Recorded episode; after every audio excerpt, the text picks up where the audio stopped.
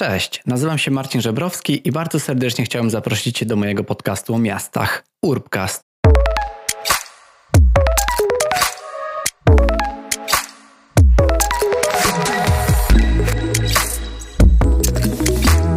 Cześć i witajcie w najnowszym odcinku Urbcastu, który będzie odcinkiem trochę innym, ponieważ będzie odcinkiem krótszym. A wszystko dlatego, że tak jak już wspominałem niedawno, kiedyś, kiedyś wprowadziłem coś takiego jak small talk, czyli taki krótki odcinek, w którym poruszam, krótko omawiam dany temat, dane zagadnienie. Tak, żeby te odcinki były po prostu bardziej przystępne, krótsze, mm, żeby pojawiały się też częściej. Niestety nie do końca się to też udało, no bo przygotowując się do tych wszystkich dłuższych rozmów, no jednak gdzieś, gdzieś nie wyrabiałem się też z tym, żeby te krótkie rozmowy nagrywać. Ale wydarzyła się rzecz bardzo, bardzo przyjemna, ponieważ w czerwcu, 7-8 czerwca byłem na Kongresie Polityki Miejskiej jako jeden z koordynatorów sceny medialnej. Kongres Polityki Miejskiej to wydarzenie poświęcone temu, abyśmy omówili sobie to, jak wdrażać te polityki miejskie i jak wdrażać, aktualizować dokument zwany Krajową Polityką Miejską. Jako jedna z osób na scenie medialnej przeprowadzałem wywiady z różnymi gośćmi i panelistami, którzy byli fizycznie na miejscu w Międzynarodowym Centrum Kongresowym w Katowicach podczas tego wydarzenia. I na szczęście, dzięki organizatorom, udało mi się uzyskać dostęp do, mm, do plików z, z tych wszystkich rozmów, które przeprowadziłem, a było ich no, naprawdę wiele, biorąc pod uwagę to, że mieliśmy tam tylko dwa dni. I chciałem się z Wami tymi rozmowami podzielić, bo rozmawiałem ze wspaniałymi ludźmi, rozmawiamy o bardzo ciekawych tematach i rozmawiałem właśnie w takiej krótkiej, około 15-minutowej formie. Także stwierdziłem, że uruchomię ten pomysł na odcinki takie krótkie, na te mm, small talki, po prostu w takiej formie kongresowej, czyli wywiadów z, z różnymi ciekawymi osobami.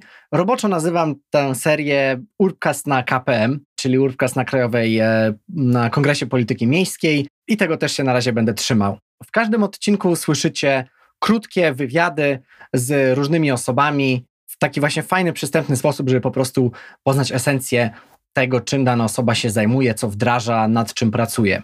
Nie przedłużając, zapraszam Was na pierwszy odcinek, e, w którym wystąpi Joanna Erbel, czyli socjolożka, działaczka miejska, ekspertka, założycielka fundacji blisko zajmującej się wspieraniem aktywności e, lokalnych, innowacji mieszkaniowych, Między innymi Joanna zajmuje się naprawdę wieloma rzeczami, a my porozmawialiśmy o, myślę, że chyba jej ulubionym temacie, czyli na temat mieszkalnictwa, ale też tego, jak w tym kontekście mieszkalnictwa, jak ogólnie w kontekście tego życia postpandemicznego odnajdują się lokalne społeczności, czyli jak będziemy żyć, jak będziemy mieszkać w takich nowych, kształtujących się lokalnych społecznościach, które mm, w pewien sposób zauważyły, lub być może bardziej to ludzie zauważyli, że jednak w tym, w tym najbliższym otoczeniu jest im najlepiej. I, I o tym też właśnie będziemy rozmawiać z, z Joanną Erbel, także zapraszam Was na pierwszą rozmowę e, w ramach tej serii.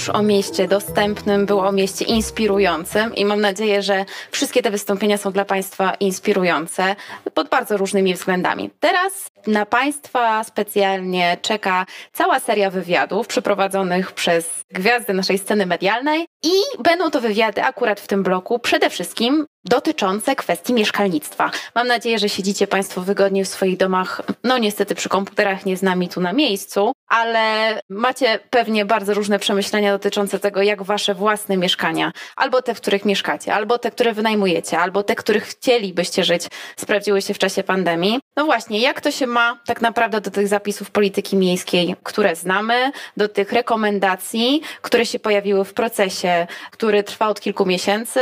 Czy zmieniły się nasze wyobrażenia o tym, jak polityka mieszkaniowa powinna funkcjonować i na jakie problemy przede wszystkim powinna odpowiadać? I zaczynamy. Zaczynamy od e, dyskusji o polityce miejskiej. Marcin Żebrowski z Urbcastu tym razem porozmawia z Joanną Erbel, socjolożką miasta, założycielką Fundacji Blisko, ale przede wszystkim myślę osobą znaną Państwu z wieloletniej pracy na rzecz polityki mieszkaniowej i autorką książki o mieszkaniach w Polsce. Zapraszam.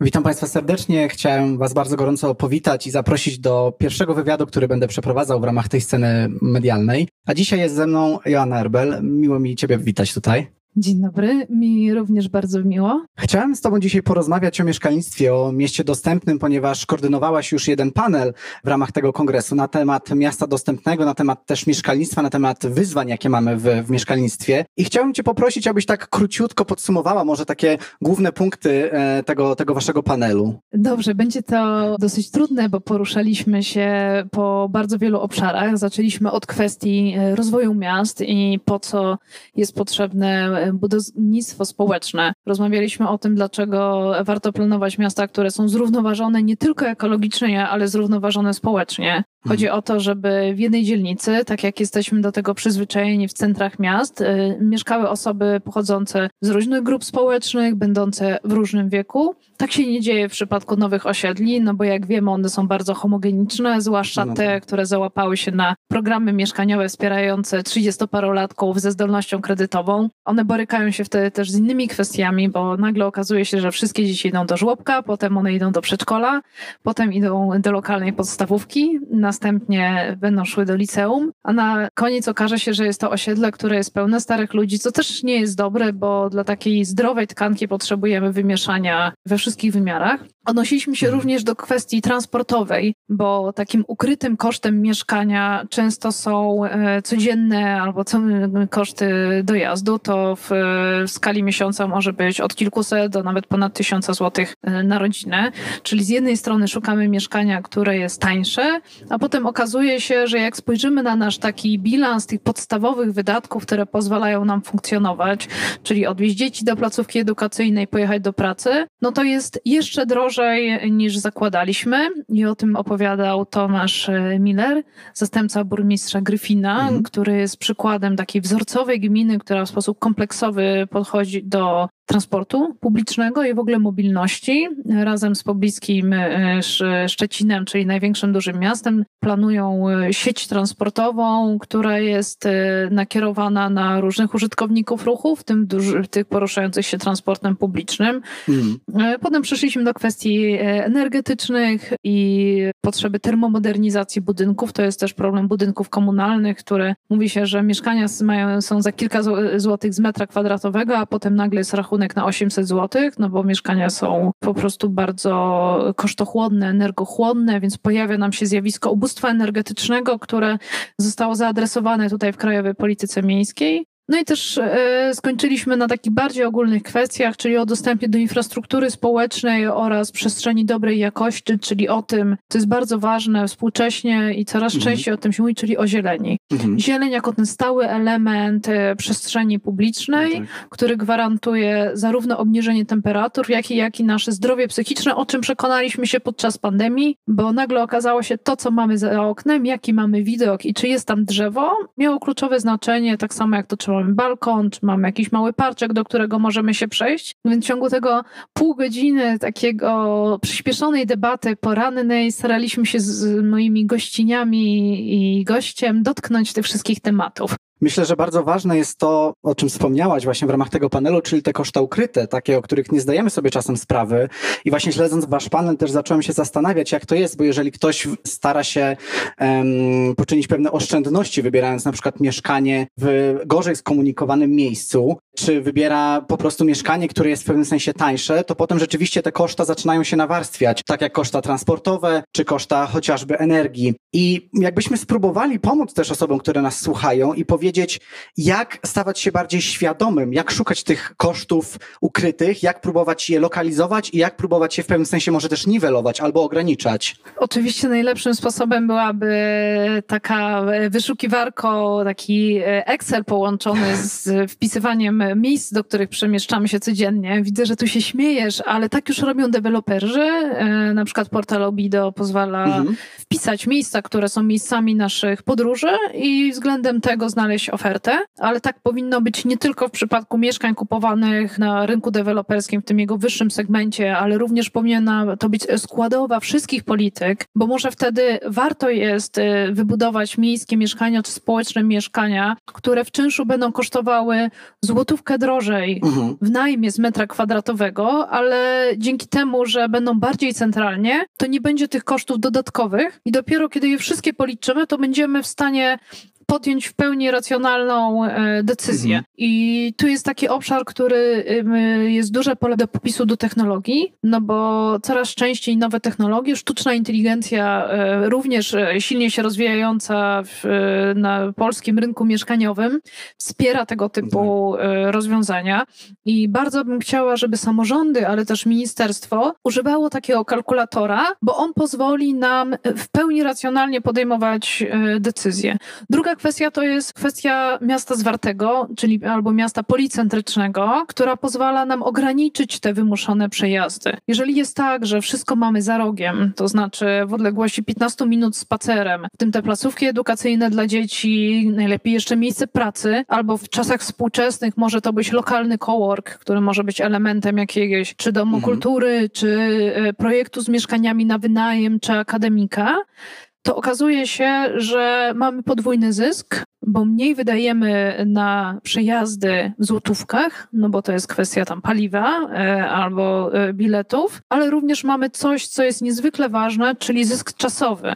Mhm. To jest coś, co było w jakiś sposób e, bagatelizowane do tej pory, jak się myślało o polityce miejskiej, no bo to Mhm. było oczywiste, że miasto musi mieć centrum, w tym centrum jest Tak. filharmonia, rynek, knajpy i że codziennie dojeżdżamy. Pandemia okazało, pokazała, że wcale nie musimy dojeżdżać i że e, o jakości życia świadczy to, co jest tam w promieniu kilkuset metrów e, od nas, czy mamy tam wszystkie potrzebne sklepy. Pojawiło się też nowe, ciekawe zjawisko, czyli taki bardzo lokalny patriotyzm gospodarczy. To bardzo dobrze wi- widać było na branży gastronomicznej i jak mówią osoby związane z gastronomią, przetrwały te knajpy, które miały wokół siebie lokalne społeczności, które miały ludzi, którzy podejmowali racjonalną decyzję tutaj akurat konsumencką, czy mimo tego, że taniej by było pewnie codziennie gotować w domu, czy jednak nie kupować tych lunchy w tej knajpie, bo jeżeli nie będziemy tego robić, to ona po prostu upadnie. I Mhm. podobnie jest z innymi kwestiami. Czy warto zaoszczędzić 3 złote i ściągnąć jakiś produkt z drugiego końca świata przez azjatycki portal, czy może lepiej jednak dołożyć te 3 złote i kupić to samo w lokalnym sklepie, już nie mówiąc o tym, że ślad węglowy będzie dużo niższy, prawda? No bo jak No coś tak. płynie do nas przez cały świat i potem jeszcze do centrum logistycznego i jeszcze kurier, który jeszcze nas nie zastanie w domu, więc jeździ z tą przesyłką, albo w wersji optymistycznej zostawi nam to w paczkomacie, tak? No czy to jest y, jedna strona, a druga strona to jest to, że jak kupujemy u naszych sąsiadów, w naszych warzywniakach lokalnych, sklepach z lampami, sklepach wielobranżowych, y, które y, szczęśliwie się ostały, wiele z nich jest prowadzone przez społem w, różnych jego ods- odsłonach, więc mamy to taki aspekt spółdzielczy. Jeżeli kupujemy te produkty lokalnie, to po pierwsze, ludzie, którzy mieszkają blisko nas, mają tam miejsca pracy, Mhm. czyli dajemy sąsiadom i sąsiadkom miejsca pracy, bo jeżeli No tak. regularnie się robi zakupy, to przynajmniej ja tak mam na moim dobrze skomunikowanym i widzę opatrzonym Górnym Mokotowie, że osoby, które pracują w sklepach, to są te same osoby, które w niedzielę spotykam z dziećmi e, na spacerach. Podobnie jest z lokalnymi sklepami typu Żabka. To są osoby mieszkające za rogiem, więc kupując lokalnie wspieramy ich, a co ważne, nasze pieniądze zostają lokalnie, bo one zostają w podatkach w tych firmach, które też płacą podatki. Mhm. I to, co, czego potrzebujemy, to e, raz takiej świadomości, a dwa, bo nie chciałabym, żebym zabrzmiała to jako osoba, która uważa, że indywidualne wybory konsumenckie rozwiążą problemy wszystkie świata. Oczywiście tak nie No jest. tak. Potrzebujemy infrastruktury. No i z jednej strony jest to infrastruktura fizyczna, to znaczy w dobrze zaprojektowanej przestrzeni, gdzie są zaplanowane lokale usługowe w parterach, również w nowych osiedlach, gdzie mamy lokalne ryneczki, ulice handlowe, przestrzenie, po których możemy dziecko pójść, yy, wypuścić do sklepu po zakupy, bo wiemy, że po drodze nie ma żadnej drogi, po której szybko jeżdżą auta. To jest ważny warunek. Warunek. A drugi warunek to jest coś, co jest moim chyba teraz głównym obszarem zainteresowania, czyli tworzenie tej infrastruktury cyfrowej. I to jest taki wątek, który my rozwijamy w ramach e, Copte Hub. To jest taki think and do tak w zasadzie. Pierwsze Centrum Technologii Spółdzielczych w Polsce prowadzone przez spółdzielnię PLZ. Mhm. I chcemy pokazać, że e, nie trzeba być gigantem cyfrowym, żeby mieć swoje aplikacje, żeby mieć swój sklep internetowy, że jeżeli zbierzemy dużo podmiotów i to mogą być i firmy, i NGOsy, i samorządy, to możemy razem stworzyć ekosystem, który będzie wspierał to, co jest dla nas najważniejsze, mhm. czyli budowanie lokalnej odporności, tak? Bo y, wiemy już, że lokalną odporność trzeba budować y, lokalnie, Rozwiązania na poziomie państwowym są bardzo ważne, ale praktyka pokazuje, że na kryzysach, a pewnie to nie jest ostatnia trudna sytuacja, z którą się mierzymy, no głównie tak. wygląda, wy, wygrywają duże korporacje, na przykład odmiany zagranicznych koncernów wchodzą do, do Polski, jest taki duży jeden sklep, prawda? No tak. E, poza tymi naszymi lokalnymi, więc czymś, co jest takim marzeniem, jest coś, co ja nazywam hybrydowym sąsiedztwem, czyli mhm. ja jestem z duszy, e, e, można powiedzieć, laturystką. Bruno Latury jest socjologiem, który opowiada o czymś, co się nazywa teoria aktora sieci i to jest próba dopasowania narzędzi socjologicznych, a potem polityk publicznych do naszego codziennego doświadczenia. A codzienne nasze doświadczenie polega na tym, że wstajemy rano, witamy się z ukochaną osobą albo nie, bo sprawdzamy smartfona, tak? No Wstajemy, tak. sprawdzamy, co tam w komputerze, siadamy do pracy albo idziemy do tej pracy. Potem idziemy się przejść i patrząc na ulicę, widzimy tak apteka, poczta, lokalny skwerek, jakieś miejsce aktywności lokalnej, e, lokalny sklep. Potem bierzemy tego smartfona i wszystko jest e, porozdzielane, tak? Więc naszym takim marzeniem jest tworzenie technologii, która odpowiada temu naszemu, takie, mhm. nasz, naszym potrzebom, jak on ludzi i też redukcji złożoności, żebyśmy mijając 100 sklepików nie mieli 100 aplikacji, już nie mówiąc o tym, prawda, że lokalny sklep spożywczy nigdy nie będzie miał swojej aplikacji, no, no tak. bo jest po prostu e, za mały. Porozmawiajmy jeszcze podsumowując sobie już troszeczkę tą naszą rozmowę o takim patriotyzmie lokalnym, e, który, który wspomniałaś mm, i zastanawia mnie to, bo pamiętam, że kiedy rozpoczęła się pandemia, ty dość wcześnie już napisałeś taki artykuł mówiący o tym, że, że tak naprawdę te centra lokalne sta, staną się niezwykle ważne i to one będą kluczowe w takim tworzeniu właśnie się nowego miejskiego życia. I pytanie, czy uważasz, że to było nieuchronne, że ta świadomość takiego mieszkańca, który żyje odpowiedzialnie, który wspiera swoją własną lokalną społeczność, czy myślisz, że to było w pewnym sensie nieuchronne, że to się wydarzy i zaczniemy się w tym kierunku rozwijać, czy po prostu pandemia wymusiła takie zmiany? Jak to mówią e, eksperci i ekspertki i wiele innych osób, pandemia przyspieszyła pewne procesy. Mhm. I jeżeli rozejrzymy się wokół siebie, wokół nas jest pod, e, kilka potencjalnych scenariuszy rozwoju i ten katastroficzny, e, mówiący o dalszym rozlewaniu się miast, o tym, że będziemy nieufni wobec transportu publicznego, więc coraz więcej osób będzie miało auta, jak i ten, który mówi, że ludzie przesiedli się na rowery i chcą żyć e, lokalnie. I e, tutaj tak. jest kluczowa kwestia właśnie osób, które zajmują się polityką politykami publicznymi i też dokumentów strategicznych, takich jak Krajowa Polityka Miejska, żeby pokazywały, które rozwiązania doprowadzą do scenariusza, w którym to, co jest dla nas najważniejsze, czyli nasza jakość życia, była jak najwyższa, tak? No bo często się mówi o tym o suburbanizacji.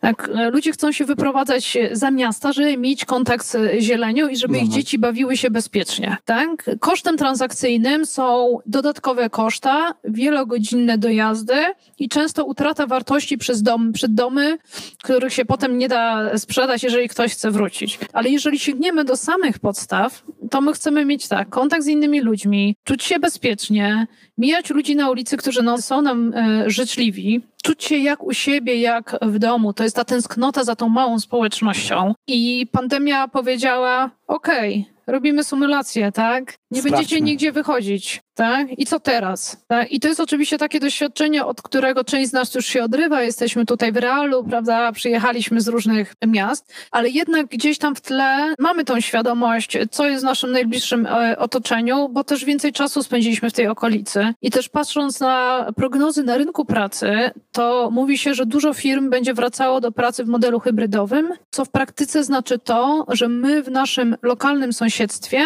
będziemy spędzać więcej czasu niż to robiliśmy przed y, pandemią, co jest dobrą wiadomością, bo to znaczy, że będziemy mogli więcej pieniędzy, y, naszej uwagi zostawiać po prostu lokalnie. I tutaj myślę, że musimy już tym akcentem podsumować. Dlatego pandemia powiedziała sprawdzam i myślę, że jest to test, który w tym momencie jesteśmy w stanie jakoś zdać i cieszę się, że powoli też wracamy do tej normalności i że to, że jesteśmy tutaj razem, możemy rozmawiać na ten temat jest tego przykładem. Joanno, dziękuję Ci bardzo. Dziękuję bardzo.